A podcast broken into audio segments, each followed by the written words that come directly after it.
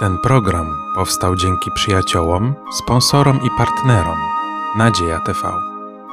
Dziękujemy. Dzień dobry, jestem Igor. Ze mną w studium dzisiaj jest Mariusz, Andrzej Jacek. Dzisiaj będziemy mówić na temat sądu nad Babilonem. To jest następny tytuł serii Apokalipsa.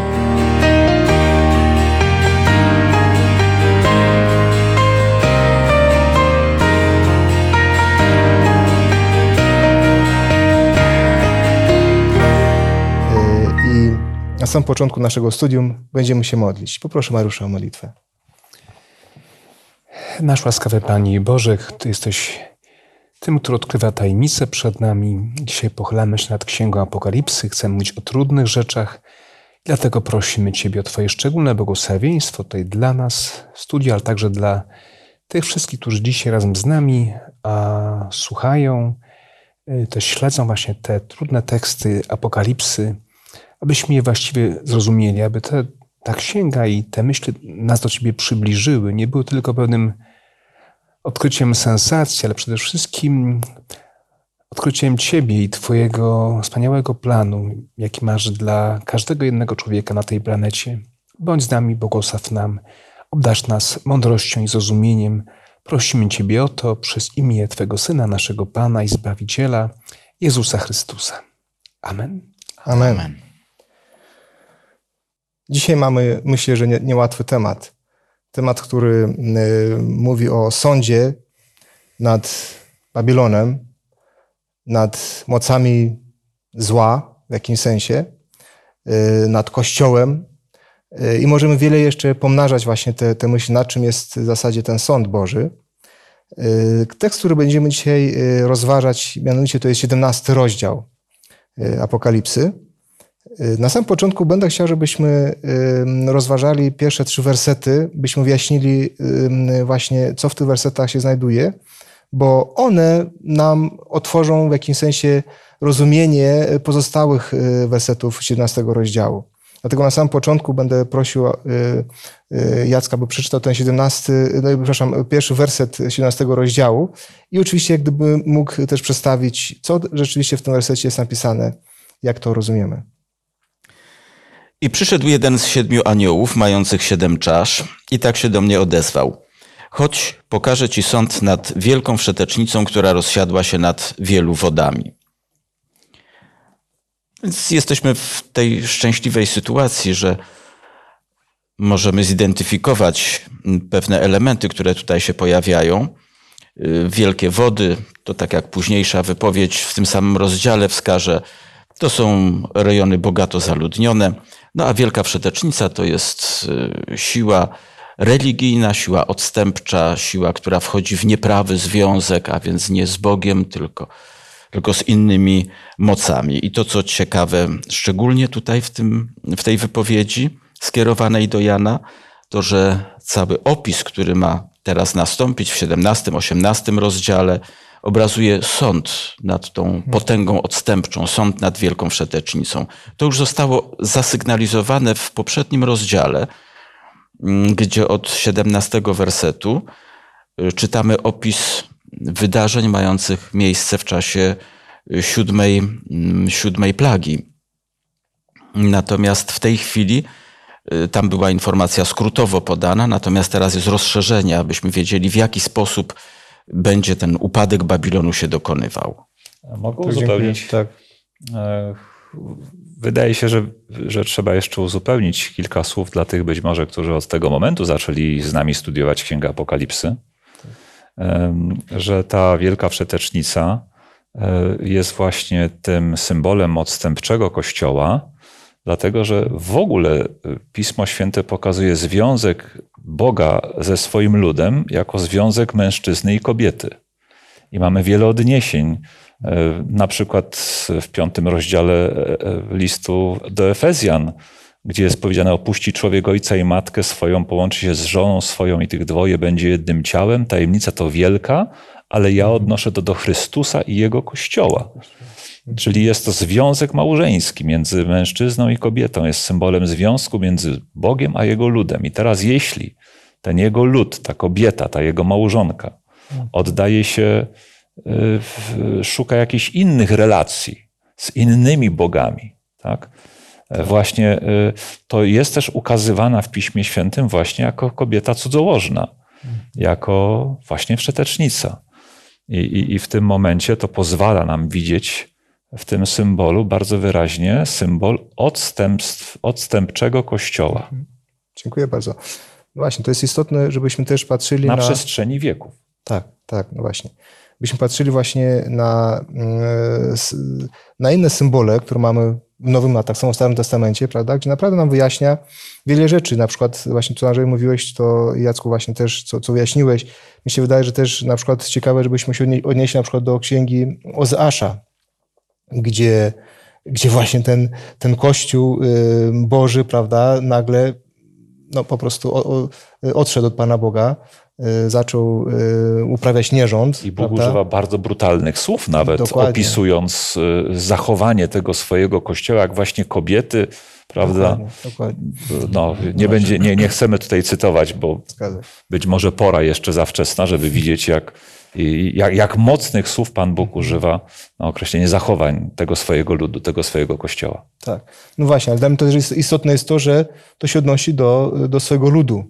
Tak? Czyli ta kobieta reprezentuje lud, lud Boży. Ale taki też, I- który, który w tym przypadku, który Tak. dalece pobłądził. Zgadza się. No właśnie. O tym będziemy potem jeszcze dalej mówić. Tak? Właśnie Ale może mówi teraz Mhm. werset, drugi Tak. wiersz, bo mamy kontynuację tej, tej myśli, z którą nierząd uprawiali królowie ziemi, a winem jej nierządu upijali się mieszkańcy ziemi, a więc Kościół, czy też religia, prawda, która uprawia duchowy nierząd. O takim nierządzie jest tutaj mowa, czyli wchodzi w niewłaściwe relacje z kim? Tu jest mowa o królach ziemi, czyli rozumiemy, że to się odnosi w, na przestrzeni całej jakby historii Starego Nowego Testamentu i tych czasów objętych właśnie tym perostwem do władzy, do władzy politycznej, prawda? Nie wszędzie są królowie, są miejscami prezydenci, inne formy władzy, ale generalnie jest to, jest to symbol władzy politycznej i tutaj jest ta dziwna relacja tej kobiety z królami, a wynikiem tego nierządu, owocem jakby y, tych nieprawych relacji jest to, co określa Apokalipsa wino nierządu, też w duchowym znaczeniu, czyli pewnych nauk mm, i widzimy mieszkańcy ziemi, mieszkańców ziemi, którzy są w tym wierszu jakby upici, tak? Upici winem nierządu. Tak, dziękuję. E, Ja bym tutaj jeszcze mm, te nieprawe relacje widział nie tylko z królami ziemi i z mieszkańcami, e, ale jeszcze osiemnasty rozdział, zwróćcie uwagę, e, werset trzeci, gdyż wszystkie narody piły wino szaleńczej rozpusty e, no, tego Babilonu, prawda? Zaraz będziemy mówić, że to jest jedno z imion tej e, niewiasty wszetecznej. I królowie ziemi uprawiali z nim wszeteczeństwo, a kupcy ziemi wzbogacili się na wielkim jego przepychu. Widzimy tutaj, e, że mm, mm, dochodzi do jakichś takich relacji e, wielorakich, nie tylko e, religijne zwiedzenie, prawda, które, które jakby upija te wszystkie narody, doprowadza jakby do, do, do, do jak to człowiek pijany, nie, nie, nie, nie, nie myśli racjonalnie nad wszystkim, co mu się podaje, prawda? Tak. E, Przyjmuje różne rzeczy, nawet które nie są prawdziwe, za prawdę. Ale widzimy to nawet o kupcach ziemi. Ktoś ma w tym interes, by ten sojusz trwał. Prawda? Tak. My też często używamy takiego sformułowania sojusz tronu z ołtarzem. Tak. I to jest taki sojusz najstarszy historycznie rzecz biorąc. Prawda? Ale też sojusz, który zawsze owocował prześladowaniem tych, którzy blisko tego ołtarza nie byli. Prawda? I, to, I widać tutaj trzeci werset. Zaniósł mnie w duchu na pustynię. Widziałem kobietę siedzącą na czerwonym, jak szkarłat zwierzęciu, pełną bluźnierczych imion, mających siedem głów i dziesięć rogów. Tu trzeba powiedzieć, że ta właśnie wszeteczna niewiasta dosiada jakiegoś zwierzęcia. Y, Symbol zwierząt jest symbolem w, w, w proroctwach apokaliptycznych, oczywiście nie samej księgi Apokalipsy, ale też księgi Daniela, jest symbolem starotestamentowej księgi Daniela, jest symbolem pewnych potęg politycznych. E, Kiedy więc widzimy e, kobietę dosiadającą tego zwierzęcia, ale też zwierzęcia, które ma siedem głów i dziesięć rogów, to się oczywiście może wydawać jak, tak, jak jakiś dziwny obraz jakiegoś smoka, ale tu jest jakby pewna perspektywa historyczna. To zwierzę w konkretnym okresie historii nie miało siedmiu, siedmiu głów. Miało jedną głowę. Potem było to samo zwierzę z kolejną głową, to samo z następną. To były kolejno po sobie pojawiające się potęgi, które jednak były w sojuszu polityczno-religijnym. Ale w tym sojuszu polityczno-religijnym władza religijna miała nad nim przewagę, bo to tak ona dosiada tego zwierzęcia. Dziękuję. Jacku, proszę. Jest wskazany tutaj wyraźnie ów sojusz władzy religijnej i politycznej. Z tym, że może on sam w sobie jeszcze nie tyle jest zły, bo przecież mm, pamiętamy, że Bóg stworzył państwo wyznaniowe, prawda? Kiedy wyciągnął Izrael z Egiptu, to utworzył tę strukturę jako państwo wyznaniowe. Więc my też mamy ścisły związek religii i państwa, władzy świeckiej. Natomiast y, tutaj o tym związku czytamy, że to jest siła bluźniercza, że to jest siła, która upija inne y, narody, prawda? A więc mamy ten element zwodzący tutaj, nie tylko bluźnierstwo, ale element zwodzący.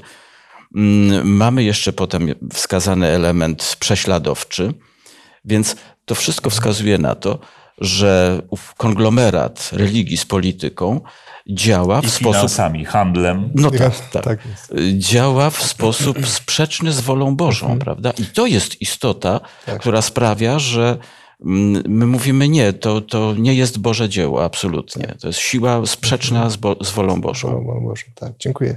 Poza tym nawet ten, ten ubiór, ale o ubierze to zaraz będziemy mówić tej, tej, tej, tej kobiety.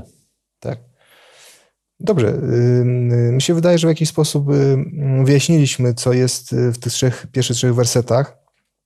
Tworzy nam pewien obraz, y, w miarę ciekawy.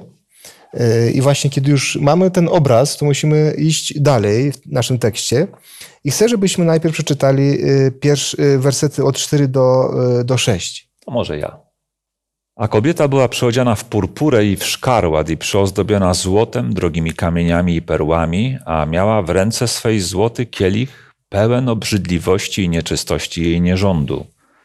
A na czole jej wypisane było imię o tajemniczym znaczeniu – Wielki Babilon, matka wszetecznic i obrzydliwości ziemi. I widziałem tę kobietę pijaną krwią świętych i krwią męczenników Jezusowych, a ujrzawszy ją, zdumiałem się bardzo. Dziękuję.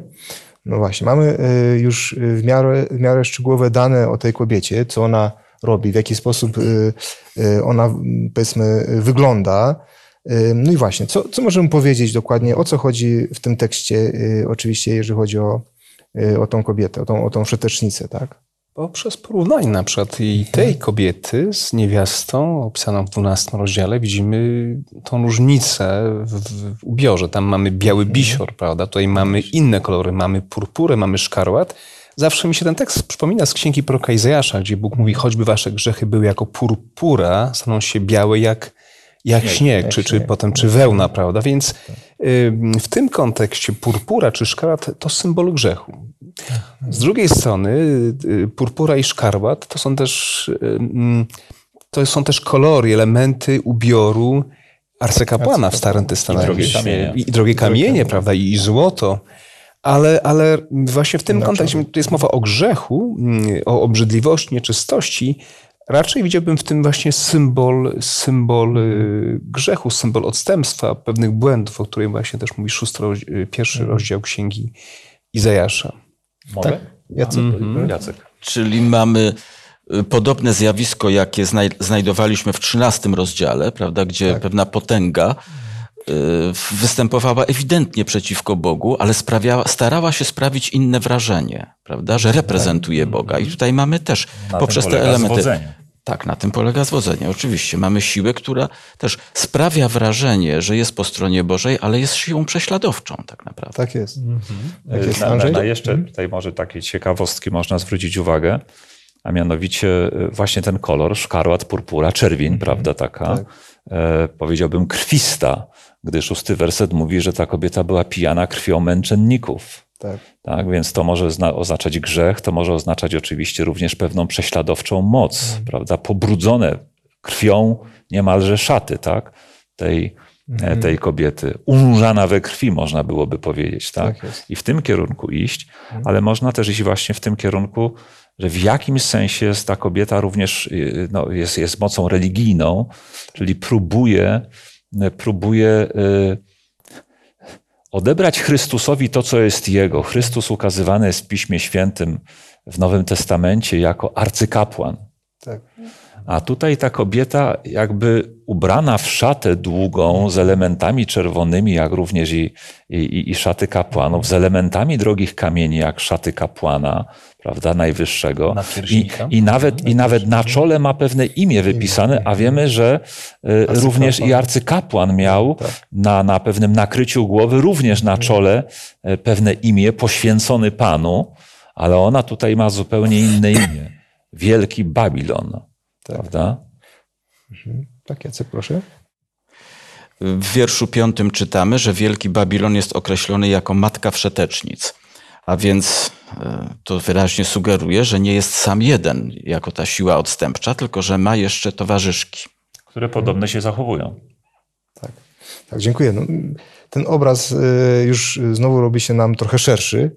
Tak, widzimy już wyraźnie tą kobietę jako wszetecznicę, czyli, czyli jak tutaj Andrzej mówił, y, jako w jakimś sensie Kościół odstępczy i prześladowczy. Kościół odstępczy, prześladowczy, prawda, który wygląda jak kapłan.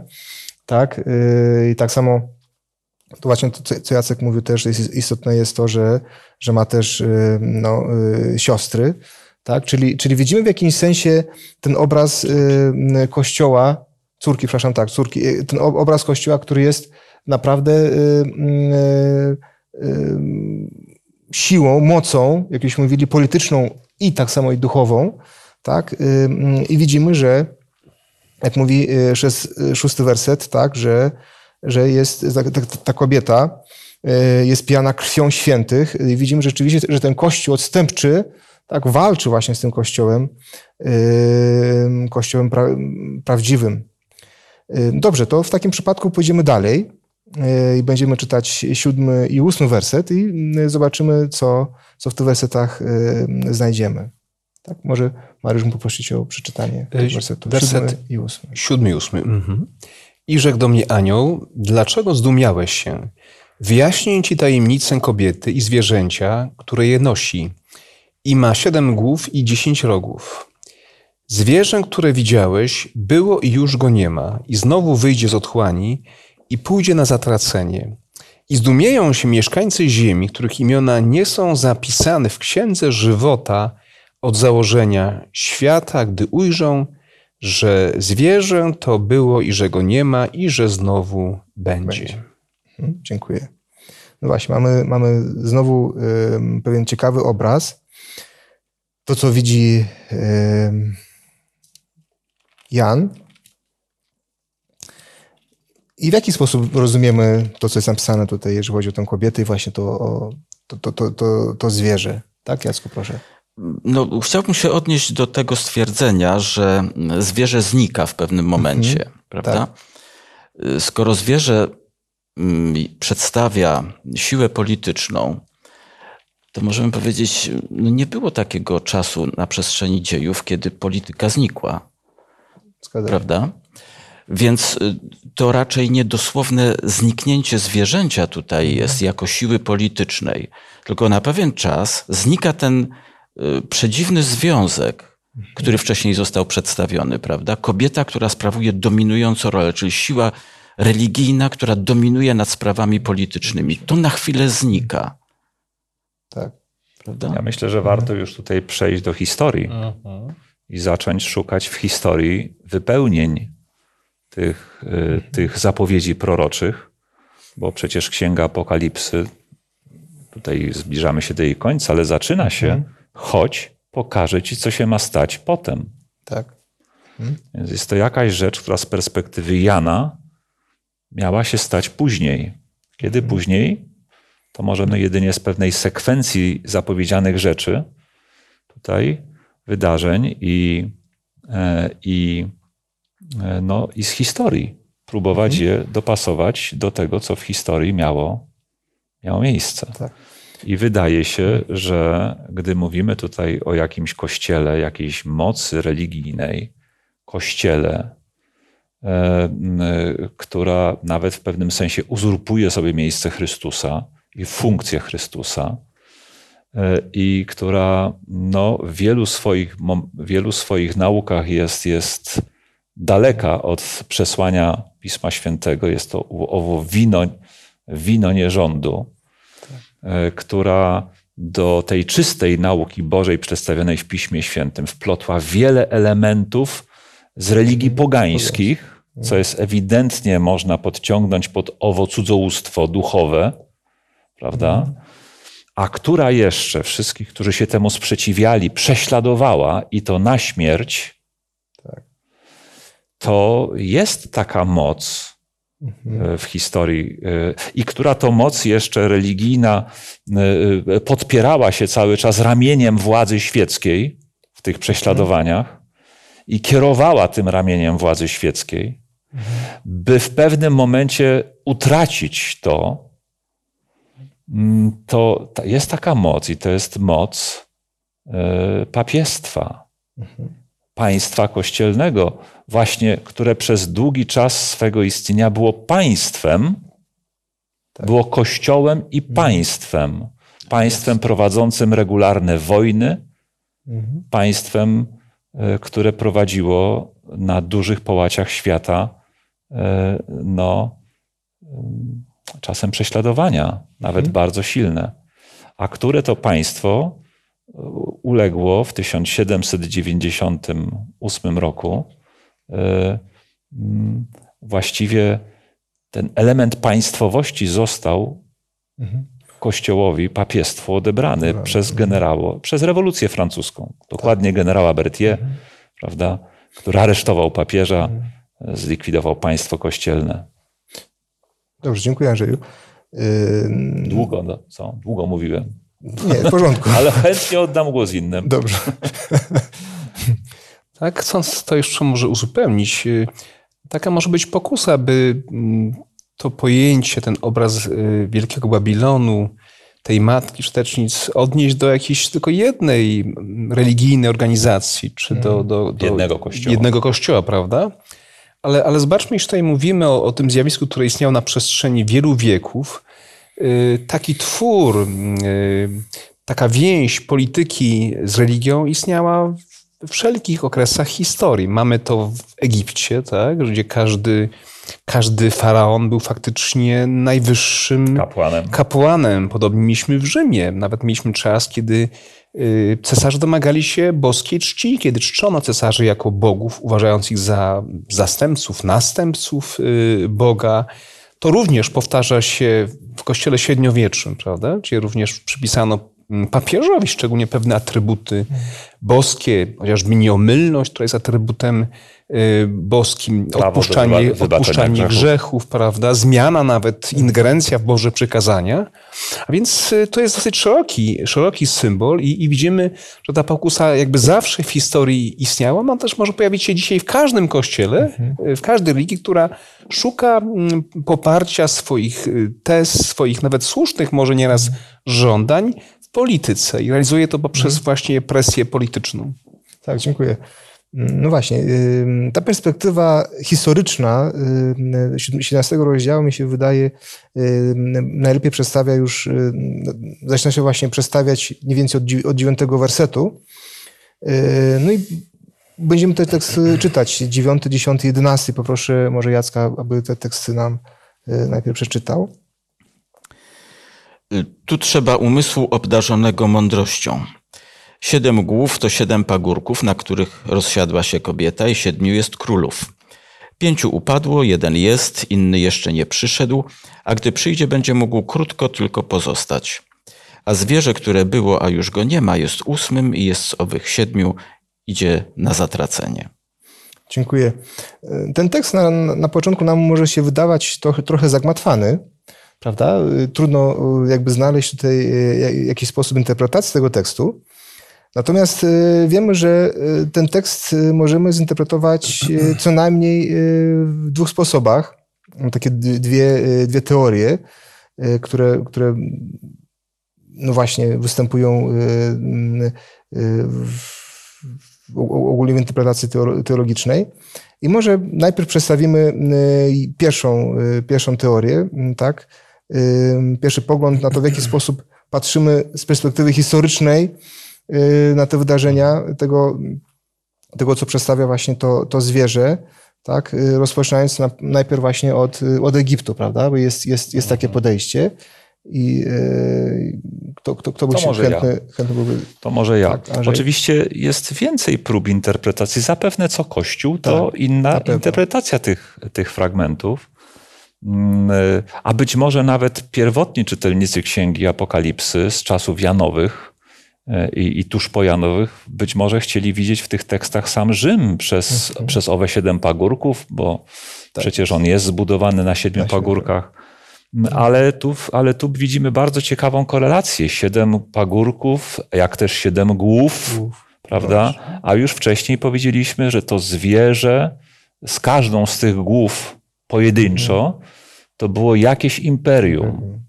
Tekstów pokazujących, zwłaszcza w księdze Daniela, która jest taką bliźniaczą, powiedzielibyśmy, księgą e, e, Tak. dla księgi Apokalipsy, gdzie księga Apokalipsy garściami czerpie z księgi Daniela, z jej symboliki.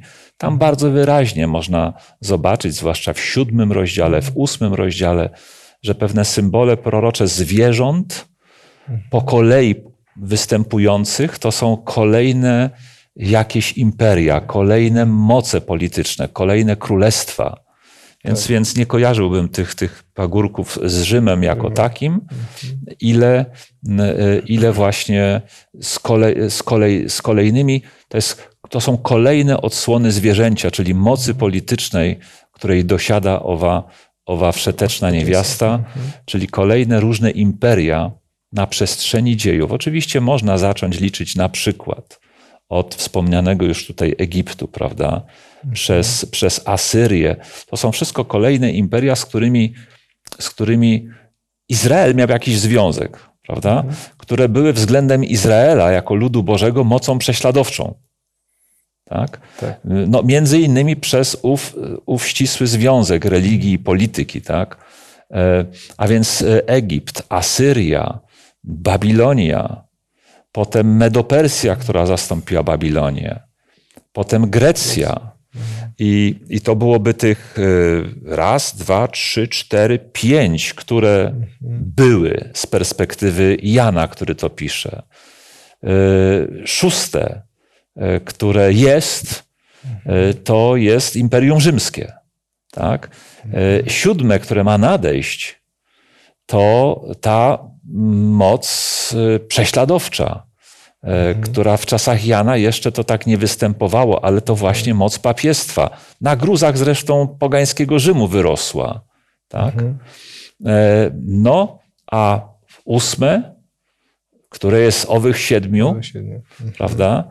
To my właśnie wiemy i wspomnieliśmy dzisiaj, że papiestwo miało ten okres y, y, religijno-polityczny państwa kościelnego, prześladowczego, by w którymś momencie zadano mu śmiertelną ranę.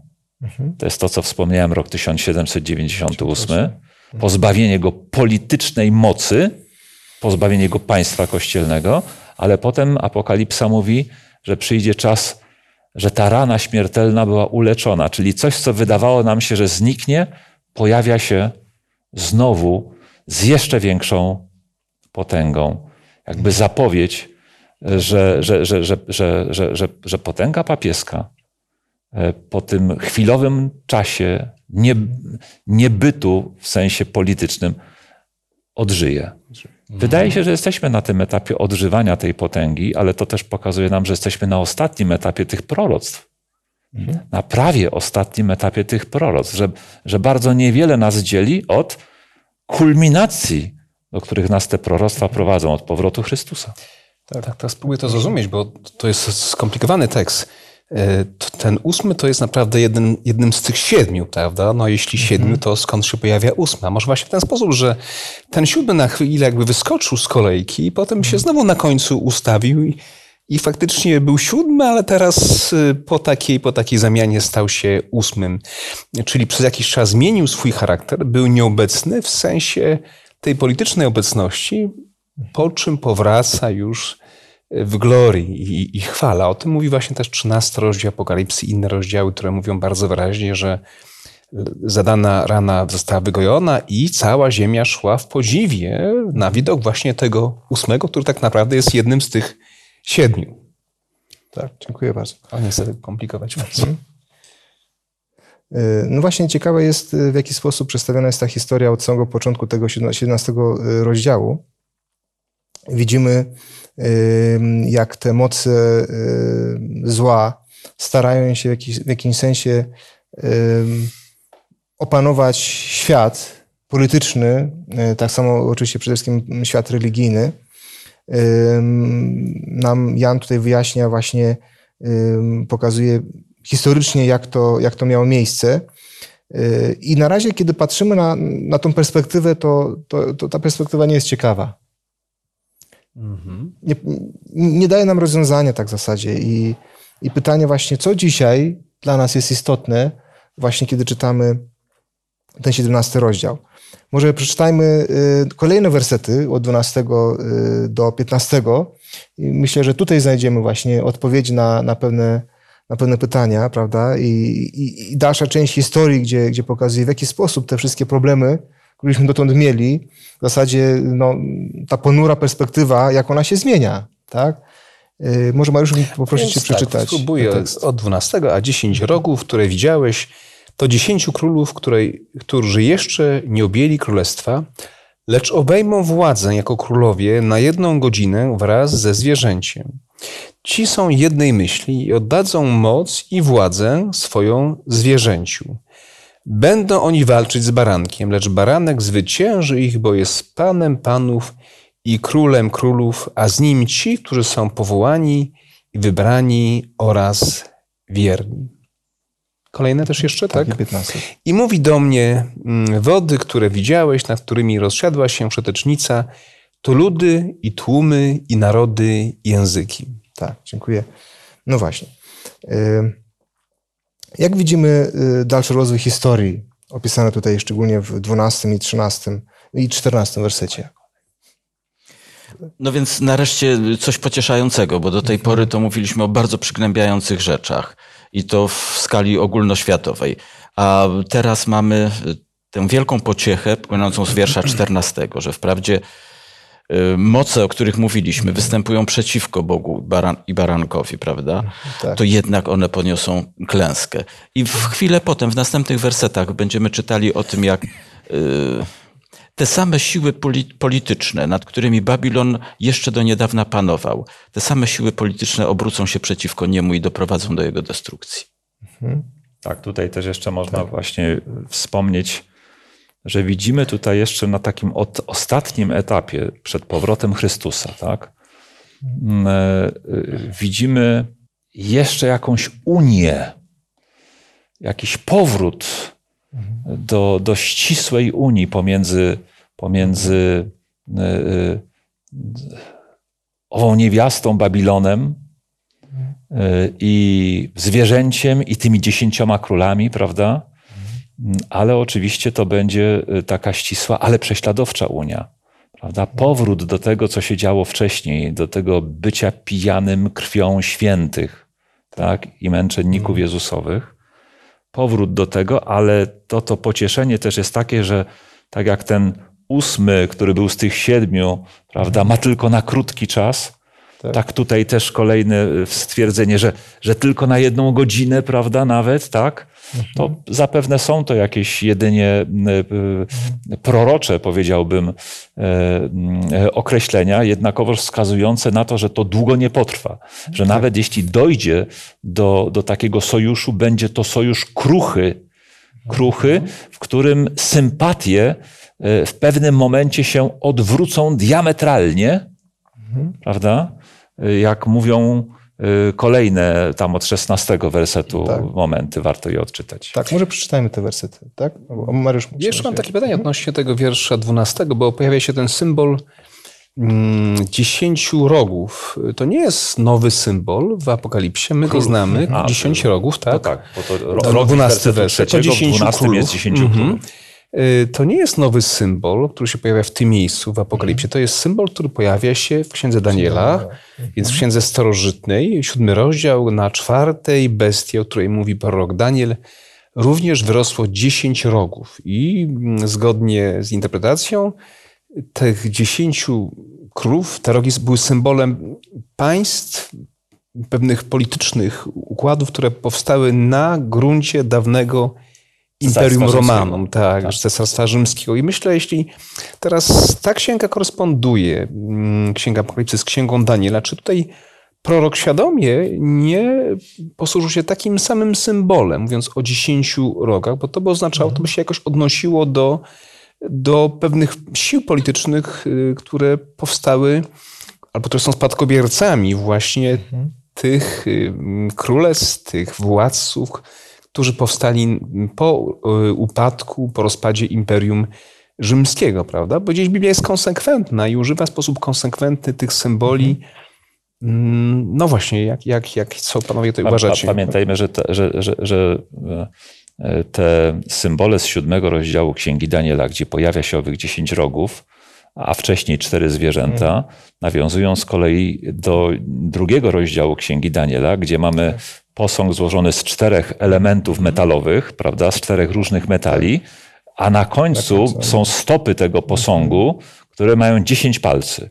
Więc być może tu nie powinniśmy się y, y, skupiać na ilości y, państw powstałych, prawda? Bo, bo nawet gdyby próbować wyliczyć i doszukać się jakichś dziesięciu, to to wszystko bardzo krótko trwało, bo przecież te twory polityczne zmieniały się, prawda? Dzieliły, znikały, pojawiały się nowe. Dziś jest dużo więcej niż dziesięć, tak? Ale można jedynie tutaj widzieć y, tu jakiś pewien symbol, y, y, no, pewnego podziału politycznego na gruzach Cesarstwa Rzymskiego, który miał nastąpić, którego w jakimś mierze jesteśmy dzisiaj spadkobiercami, prawda, z Unią Europejską, ale też i z innymi krajami w ogóle y, świata. Jedno jest pewne, jakieś najważniejsze potęgi tego świata zjednoczą się w prześladowczym celu, prawda? Y, w- w- Dla nich pewnie nie prześladowczym, pewnie inne sobie cele wystawią, ale prześladowanie będzie jednym z elementów, prawda, istotnym tego, co się znowu ma wydarzyć. No właśnie. Mhm. Tak, to jak najbardziej, tak też tak mi się właśnie y, wydaje, Ale że... odwrócą się sympatie, Tak. jak wspomniałem. Mm, Tak. Mhm. Do odwrócenia sympatii dojdzie. dojdzie, 16 tak, tak. werset następny o tym mówią. No właśnie. Y, Też tak- właśnie tak mi się wydaje, że tutaj te 10 rogów jak najbardziej przedstawiają coś, co, co następuje po y, Imperium Rzymskie, ale właśnie pokazuje, że, że to są 10 y, mocy, które jednak tworzą Unię, tak jak myśmy czytali trochę wcześniej.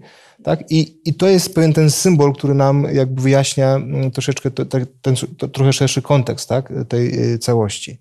Dobrze, to może pójdziemy da, dalej do mm, naszego tekstu y, i będę chciał, żebyśmy przeczytali To może ja.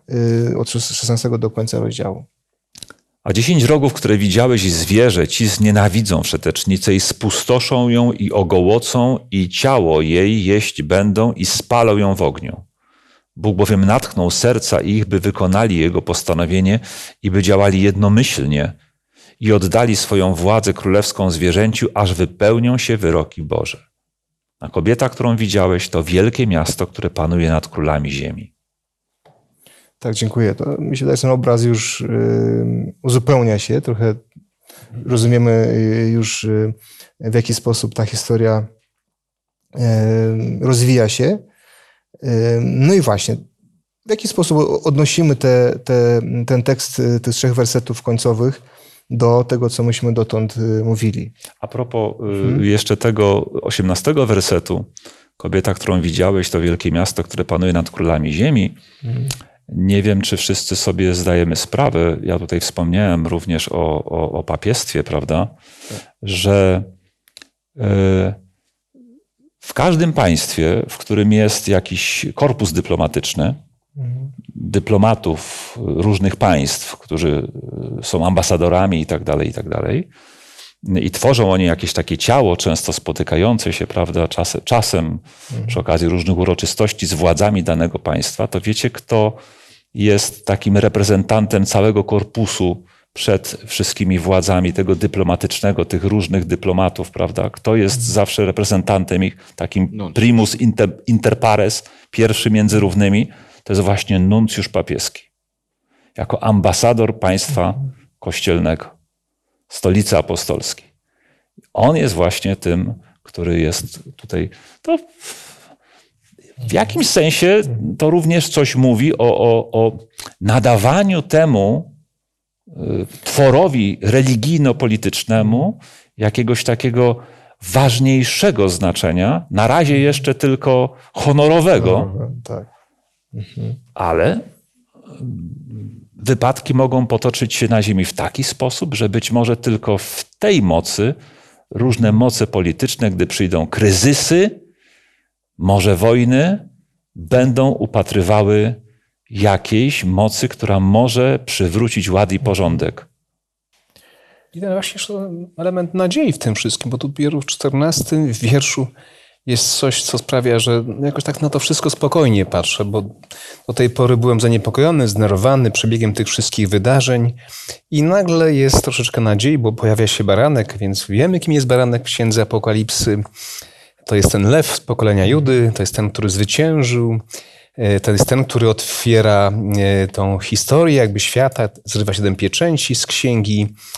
E, Właśnie baranek zwycięży ich. Jakkolwiek byłby to sojusz, może dzisiaj tylko domyślamy się pewnej symboliki i chcemy zobaczyć się, które, jakie moce są gdzieś w tych symbolach ukryte, prawda? Być może mamy rację stuprocentową, być może mamy tylko częściowo rację, z czegoś do więcej się dowiemy, ale jedno jest pewne, że zwycięży baranek i z- nim ci, którzy są powołani, wybrani oraz wierni, więc warto być w tym gronie. Cokolwiek będzie się działo, zwycięzcami będą ci, którzy staną po stronie baranka. A mnie interesuje w tym wszystkim jeszcze ten szesnasty werset. Zresztą wcześniej już też zwracałem na uwagę na owo odwrócenie się sympatii, takie wydaje się nagłe. Tak.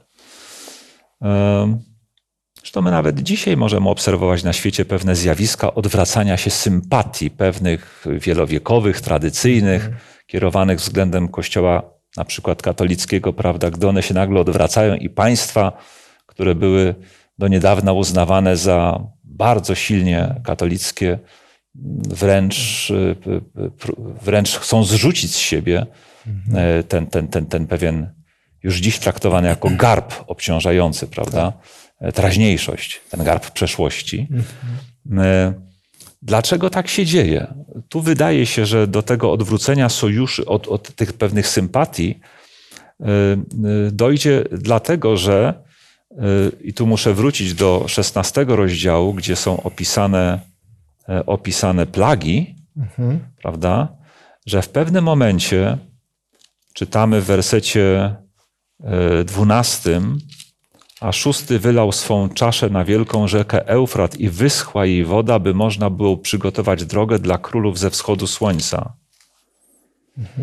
E, To wyschnięcie Eufratu, wielkiej rzeki, a wiemy, że ta niewiasta z 17 rozdziału rozsiadła się nad, nad wodami. Tak? Tak. E, jak, jak właśnie nad owym Eufratem, a te wody to symbol ludów, tłumów, narodów i języków.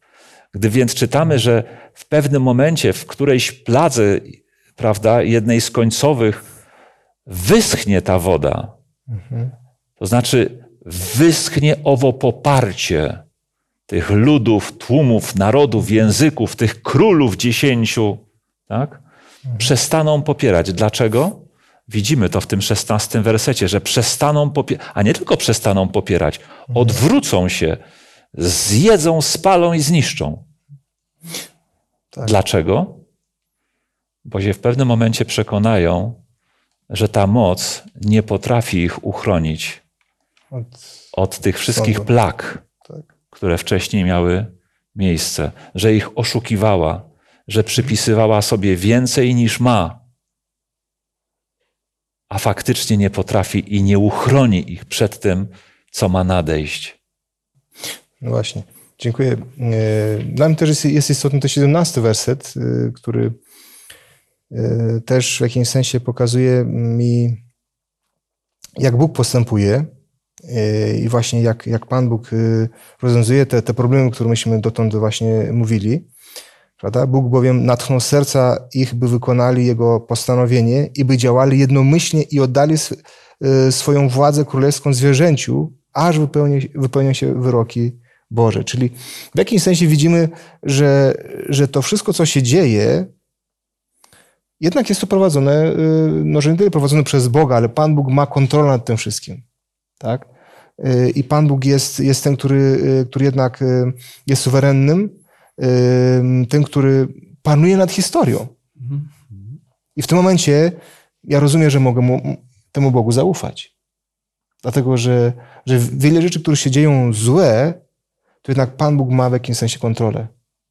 Y, I, i, I, to daje mi też perspektywę, żebym wiedział, że, że w jakiś sposób Pan Bóg, jeżeli, jeżeli w taki sposób Pan Bóg panuje nad historią, to on tak samo panuje nad, nad historią mojego kościoła, panuje nad, nad moją historią, moich, moich, moich bliźnich. No i właśnie ten czternasty werset przedstawia wyraźnie, że że, że ci, którzy walczą z Bogiem, niestety będą musieli y, uznać y, zwierzchnictwo. Niestety dla nich. Niestety dla nich, dokładnie. Że, że, że, że Pan Bóg, że, że Jezus Chrystus zwyciężył w końcu, prawda? I tak samo myślę, dla nas jest, jest, jest to ważne, żebyśmy rozumieli w tym 17 rozdziale to, że historia, przebieg historii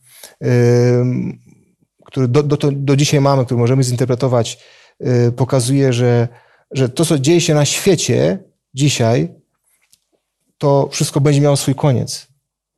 I, i pokazuje, pokazuje właśnie, że Pan Bóg, Pan Bóg jest ten, który daje nam zwycięstwo i my oczywiście to, yy, na to zwycięstwo też oczekujemy, które przyjdzie, kiedy Jezus Chrystus przyjdzie drugi raz. I, i właśnie tak myślę, myślę że, że żebyśmy yy, zakończyli ten, ten 17 rozdział, na temat, na temat 17 rozdziału byśmy patrzyli na, na, na historię świata z perspektywy Bożej. Nie jak czasami nam się wydaje, ale właśnie w jaki sposób przedstawia to Bóg przez objawienie Jana. Dziękuję Wam serdecznie za udział. Teraz y, na koniec będę prosił y, Jacka o modlitwę. Nasz dobry Panie Boże, Jesteśmy naprawdę szczęśliwymi ludźmi, ponieważ dzięki Twojej łasce mogliśmy z optymizmem popatrzeć w przyszłość. I chociaż ta przyszłość nie nastraja optymizmem w najbliższym swoim czasie, to jednak wierzymy, Panie, że tak jak czuwasz nad losem każdego z nas indywidualnie, tak los całego świata spoczywa również w Twoich rękach. Dziękujemy Ci, że Możemy nabierać pewności, studiując Twoje święte słowo, iż to, co zaplanowałeś, doprowadzisz do szczęśliwego finału. Prosimy Cię, aby ten finał niebawem nastąpił i żeby, kiedy już będzie się działo to wszystko, o czym mówiliśmy, kiedy nastanie powrót Pana Jezusa Chrystusa, abyśmy wszyscy mogli z radością wyjść Mu na spotkanie. W imieniu Jezusa prosimy. Amen. Amen. Dziękuję wszystkim widzom, że byliście razem z nami. Zapraszam na, na, na kolejne studium pod tytułem Wszystko nowym czynie. Dziękuję.